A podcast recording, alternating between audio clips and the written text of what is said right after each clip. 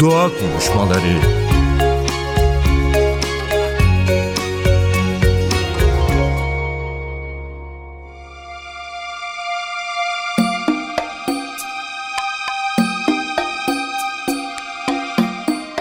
Merhaba sevgili NTV Radyo dinleyicileri. Ben Nacide Berber. Doğa konuşmalarına tekrar bir aradayız bu hafta. Maalesef Türkiye'nin geçtiği zor günlerde tekrar bir aradayız. Depremi düşünmeye, konuşmaya devam ediyoruz. Geçen hafta depremi bir doğa olayı olarak değerlendirmiştik. Şimdi bu hafta sonuçları ile ilgili aslında konuşmaya devam edeceğiz. O yüzden Temiz Hava Hakkı Platformu Yürütme Kurulu üyesi Profesör Doktor Ali Osman Karababa bizimle birlikte. Hoş geldiniz Ali Hocam. Hoş bulduk. Evet, başımıza gelen felaketi anlamaya, anlamlandırmaya çalışıyoruz. Bir doğa olayı olarak, bir doğa doğa felaketi olarak açıkçası ve programımızın içerisinde de bunu konuşmaya devam ediyoruz. En çok göze çarpan ve konuşulan noktalardan bir yol açtığı hava kirliliğiydi. Hemen belki şu soruyla başlayabiliriz. Depremler neden ve nasıl bir hava kirliliğine yol açar? Ve özellikle tabii ki deprem bölgesinde düşündüğümüzde hem de genel Türkiye havasını düşündüğümüzde hali hazırdaki durumu nasıl etkileyecek deprem? Şimdi depremin bir doğa olayı olduğu doğru. Orada bir sıkıntımız yok. Ama depremin sonrasında çıkan, oluşan riskler bu tamamen insan sorunu. Biz zamanında gerekli önlemleri almadığımız için, yapıların sağlamlığını, gerekli standartlarını sağlamadığımız için başka ülkelerde herhangi bir sorun yaşanmadığı koşullarda biz bütün bölgedeki konutların büyük bölümünün yıkılmasıyla yüz yüze kaldık. Doğru, binaların yıkılması ciddi bir sorun oluşturuyor. Hava kirliliği bağlamında sürece baktığımızda bunun en başında kuşkusuz toz geliyor. Çünkü binalar yıkıldığında ilk görüntülerden başlayarak sürece baktığımızda her koşulda öncesinde binaların yıkılmasına bağlı çok büyük bir toz kütlesinin atmosfere karıştığını gördük. Ama tabii bu ilk olaydı. Ondan sonraki sonra gelen depremlerle tekrar aynı görüntüleri yaşadık. Depremler bittikten sonra süreç enkazın oluşturduğu tozların hava hareketleriyle devamı şeklinde gelişti. Şimdi karşımızda en temel birkaç sorundan bahsetmemiz gerekir. Az önce söylediğim gibi birincisi toz. Biliyorsunuz hava kirleticileri içinde toz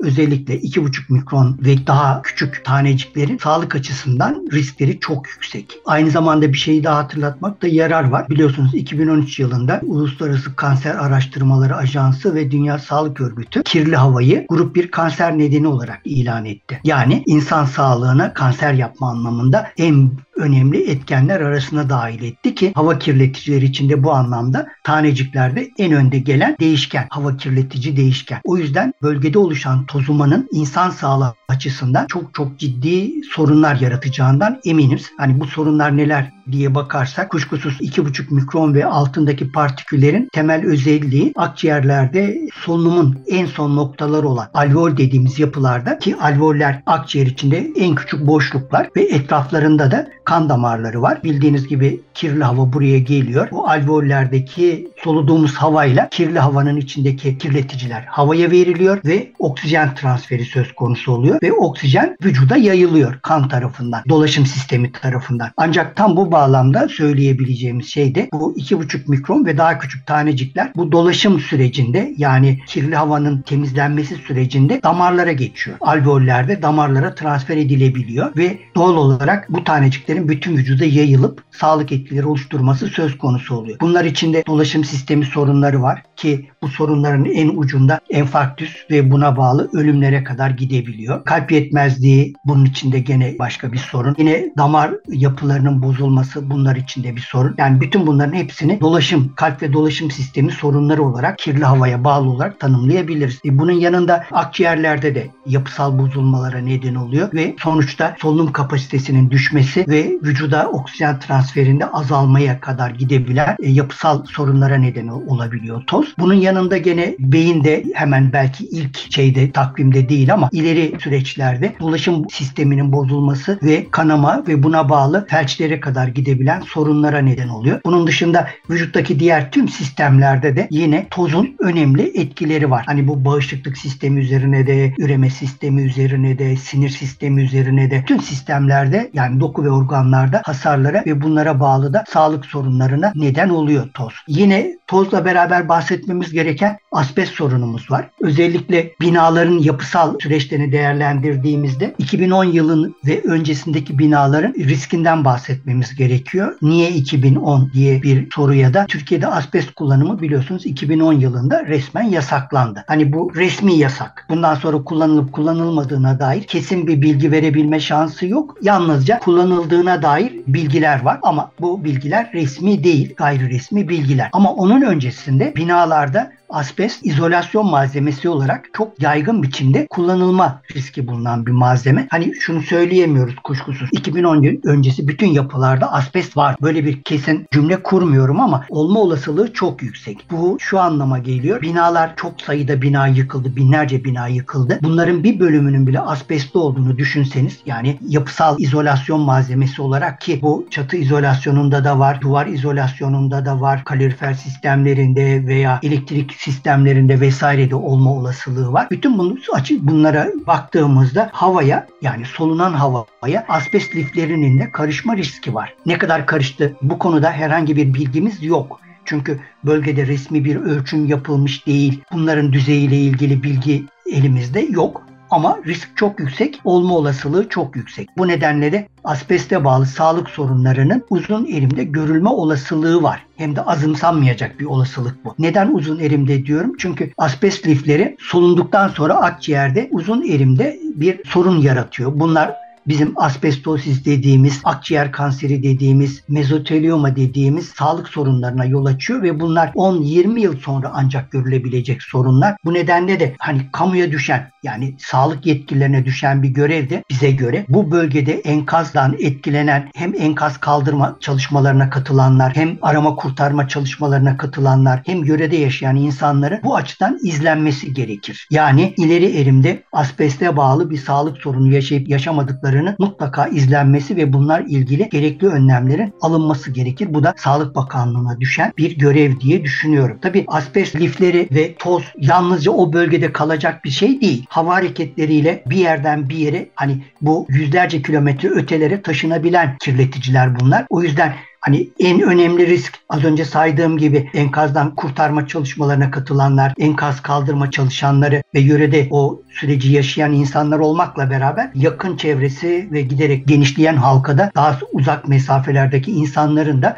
bu tozdan ve asbestten etkilenme riskleri ne yazık ki var. Diyeceksiniz ki hani buna yönelik bir önlem var mı bölgede? Göründüğü kadarıyla yok. İzliyoruz. Çalışanların normal koşulda hani hem enkaz az önce söylediğim risk altında bulunan kitlenin bu konuda özel olarak yapılmış yani toz ve asbesti solunmayı önleyecek FFP3 veya da N95 gibi maskeleri kullanması gerekirken bırakın onları sıradan hani bir cerrahi maske bile bizim COVID-19 için kullandığımız maskeleri bile kullandıklarını görmedik. O yüzden hani oluşan riskin oldukça büyük olduğunu söylemekte ben bir sıkıntı görmüyorum. O yüzden de bu insanların izlenmesinin önemli olduğuna tekrar dikkat çekmek istiyorum bu bağlamda. Peki hocam bu durumun ne kadar sürmesini öngörüyorsunuz? Yani bu hava kalitesi tekrardan eski haline gelebilecek mi? Ya da bunun için ne kadar zamana ihtiyacımız var? Hem bölge hem de dediğiniz gibi o civar bölgeleri düşündüğümüzde hava kalitesine dair neler öngörüyorsunuz? Yakın gelecek ve uzak gelecek için ve dediğim gibi bu süre ne kadarlık bir süre olacak? Bunu söylemek için biraz kain olmaya gerek var Nacide Hanım. Çünkü birincisi şu enkazların ne kadar sürede kaldırılacağı değil. Hani çalışmalar başladı ama bölge büyük ve enkaz miktarı çok fazla. O nedenle bu molozların kaldırılıp uygun şekilde depolanmasının zamanla ilişkili olarak bir öngörüde bulunabilme şansı ne yazık ki benim açımdan yok. Hani bunu büyük olasılıkla yetkililerin de söyleyebilme olasılığı yok. O yüzden de bu süreç ne kadar uzarsa toz, asbest, ve hani burada ilk elde sözünü etmediğimiz ama enkaz altında kalan yapı kimyasalları var. Enkaz altında kalan konutlarda bulunan ev kimyasalları var. Onun dışında bölgede sanayi siteleri var. Yani organize sanayi bölgeleri var. O nedenle hani bunlardan da kaynaklanan hava kirleticiler var ama yetkililer bu konuda net, açık, şu kadar hasar var, doğaya şu tür kimyasallar, kirleticiler salındı, şu tür önlemler alınması gerekiyor vesaire gibi herhangi bir cümle kurmuyorlar. Bizim de elimizde bu konuda bilimsel bir ölçüm verisi ne yazık ki yok. Çünkü o bölgeye gidip ölçüm yapabilme şansımız yok. O yüzden de hani sizin sorunuza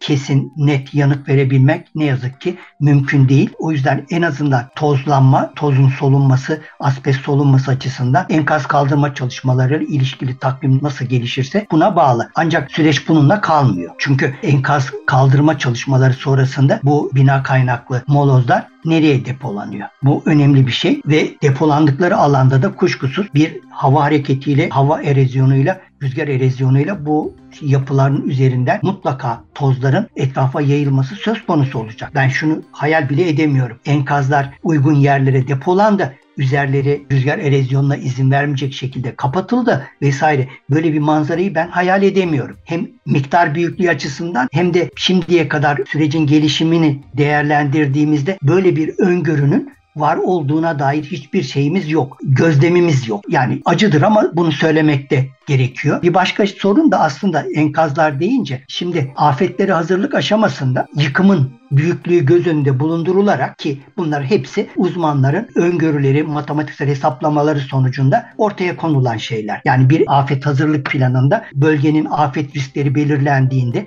Örneğin bölge için deprem. Depremin binaların yapısal özellikleri göz önünde bulundurularak ne kadarlık yıkıma neden olabileceğini uzmanlar tanımlayabiliyorlar, söyleyebiliyorlar. Yani kaç bina yıkılacak, ne kadar büyüklükte bir enkaz çıkacak hacim olarak, miktar olarak ve buna yönelik olarak da bu enkazlar doğaya, insan sağlığına zarar vermeden veya en az zarar vererek nerede depolanacak? Bunların hazırlık evresinde, afete hazırlık evresinde belirlenmiş olması gerekir. Ancak gördüğümüz manzara böyle bir hazırlığın olmadığı yönünde. Bölgeden insanlar televizyona yansıyan haberlerde tarım alanlarına moloz döküldüğünü söylüyorlar. Sulak alanın burnunun dibine enkazların döküldüğünden bahsediliyor. Yani bunlar kabul edilebilir şeyler değil. Bunlar aynı zamanda az önce söylediğim gibi afete hazırlıklı olunmadığının tipik göstergeleri. O yüzden de enkaz kaldırma çalışmaları sonrasında da bunların depolandığı alandan kaynaklanabilecek az önce söylediğim gibi bir hava kirliliği riski devam edecek gerekli önlemler alınmazsa. Aynı şekilde başka bir şey daha söylemek gerekir. Normalde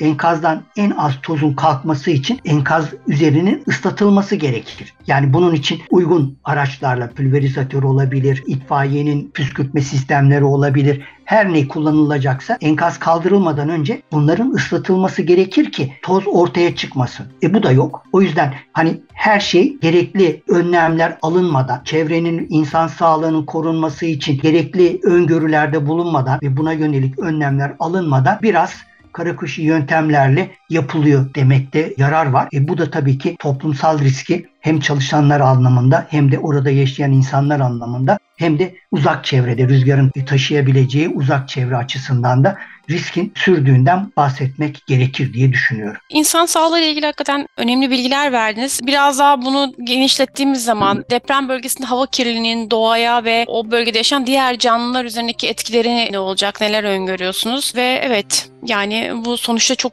geniş bir çevreden bahsediyoruz. Hani 11 il ve onun civarı diye düşündüğümüzde diğer canlılar açısından ve doğanın diğer bileşenleri açısından düşündüğümüzde neye nasıl etkisi olacak depremin sonuçlarının? Şimdi az önce söyledim, örnekler verdim. Bu enkaz şeylerin, molozların tarım alanlarına döküldüğünden bahsediliyor yörede. Sulak alanların civarına döküldüğünden bahsedildi. Bu anlamda bir risk var. Yani elimizdeki tarım alanlarının yok edilmesiyle ilgili bir olasılık söz konusu. Hani boyutuyla ilgili bir cümle kuramıyorum. Dediğim gibi bu konuda herhangi bir net kamu bilgisi yok, açıklama yok. O nedenle boyut hakkında bir cümle kurulamıyor. Ancak toz insan sağlığına olduğu kadar tüm canlıların yaşamına da etki ediyor. Yani ev hayvanlarımızın artı yabanıl canlıların ulaşabildiği yabanıl canlıların hayatlarında da insan sağlığını nasıl etkiliyorsa aynı şekilde zararlı etkileri var. Bunun yanında toz aynı zamanda tarım alanlarındaki ürünler üzerine de çok ciddi etkileri var. Olumsuz etkileri var. Ağaç yapraklarında onların soluma gözeneklerini tıkayarak yaprakların ölümüne ve hatta bitkilerin ölümüne kadar gidebilecek zararlı etkiler oluşturuyor. Tarım alanlarında gene aynı etkiyle verim düşüklüğüne neden olabiliyor. Bu tür risklerimiz ne yazık ki var bölgenin de geniş anlamda tarım alanlarıyla kaplı olduğunu düşündüğümüzde tabii ormanlar da var. Onu da, onları da unutmayalım. Az önce söylediğim gibi bitkiler üzerinde de hayvanlar kadar önemli etkilerinin var olacağını söylemekte bir sıkıntı yok. Peki son olarak şunu sorayım tabii ki. Yani hem şu andaki hava kirliliğini hem de etkilerini azaltmak için deprem bölgesinde acil ve önemli olarak ne yapılmalı? Hem bireyler olarak hem kurumlar olarak ne yapmalıyız? Ne gibi önlemler almalıyız? Siz de hemen son olarak sorayım. Şimdi az önce maskeden bahsetmiştim. Yapılabilecek en acil önlemlerden biri hani zararı neresinden dönseniz kardır hesabıyla bölgede bulunan herkesin az önce söylediğim gibi asbest ve tozdan koruyacak standart maske kullanması çok çok önemli. Bunu tabii ki insanların o bölgede bulabilmeleri söz konusu değil. Devletin yetkili kurumlarının bölgeye bu uygun standartlara sahip maskeleri iletmeleri ve dağıtmaları söz konusu olmalı. Hani buna dair hükümetin bölgeye bu standartlara haiz maskelerden gönderdiğine dair bilgi var. Ama hani ne kadar iletildi, kimlere dağıtıldı vesaire bunlarla ilgili bilgi yok henüz ve bölgede çalışan insanlarda da ben en son fotoğraflarda bölgeden gelen haberlerde böyle bir maskenin dağıtıldığı ve de insanlar tarafından yaygın biçimde kullanıldığına dair bilgi görmedim. Ama bu önemli. En azından hızla bu maskelerin insanlar tarafından kullanılabilir olmasında büyük yarar var. Az önce söylediğim gibi enkaz kaldırma çalışmaları sürüyor. Şimdiye kadar sulama yapılmadı. Bundan sonra hiç olmazsa yapılmalı. Aslında hani şunu da söylemek gerekir. Doğanın etkisi, iklim etkisi normalde yağışlı bir dönemden geçiyoruz ama yağış yok. Bu hani hem iyi hem kötü bir şey iyi bir şey. Bölgede insanların yaşamına yağmurun, kar veyahut da bunların sonucu oluşan çamurun getirdiği olumsuz etkiler yok. Başka bir sıkıntı eğer yağış olsaydı enkazdan kalkacak toz en aza inmiş olacaktı. Böyle de bir şey sorun var. O yüzden enkaz kaldırma çalışmalarının etkin bir ıslatma işlemi yapıldıktan sonra tabi bu bir kere yapılıp durulacak bir şey değil. Üst tabaka kaldırıldıktan sonra altta gene kuru bir tabaka çıkacak. Her seferinde ıslatma çalışmaları devam etmeli. Aynı zamanda kamyonların damperli kamyonlarla kaldırılıyor enkaz. Bunların üzerinin brandalarla kapatılması da önemli. Çünkü giderken hız nedeniyle ekstra bir hava hareketi oluşuyor. Bu da enkazın tozlanmasını artıran ve bu tozun etrafa yayılmasına neden olan bir şey. Bu kurala da dikkat etmekte yarar var diye düşünüyorum ben. En azından toz ve asbest açısından bu önlemlerin acilen hayata geçirilmesi gerekli. Çok çok teşekkür ederim verdiğiniz önemli bilgiler için. Kolaylıklar diliyorum çalışmalarınızda da. Sağ olun. Size de kolay gelsin. Sevgili NTV Radyo dinleyicileri bu hafta doğa konuşmalarında depremi konuşmaya devam ediyoruz. Bir doğa olay olarak depremi ve sonuçlarını Temiz Hava Hakkı Platformu Yürütme Kurulu üyesi Profesör Doktor Ali Osman Karababa bizimle birlikteydi. Depremin hava kirliliği etkilerini ve bunun da aslında de bölgede yaşayan ve özellikle aynı zamanda Türkiye içinde hem doğa hem de insan hayatı açısından etkilerini konuştuk, sonuçlarını konuştuk. Haftaya yeni konu ve konuklarla tekrar bir arada olacağız. Hoşçakalın.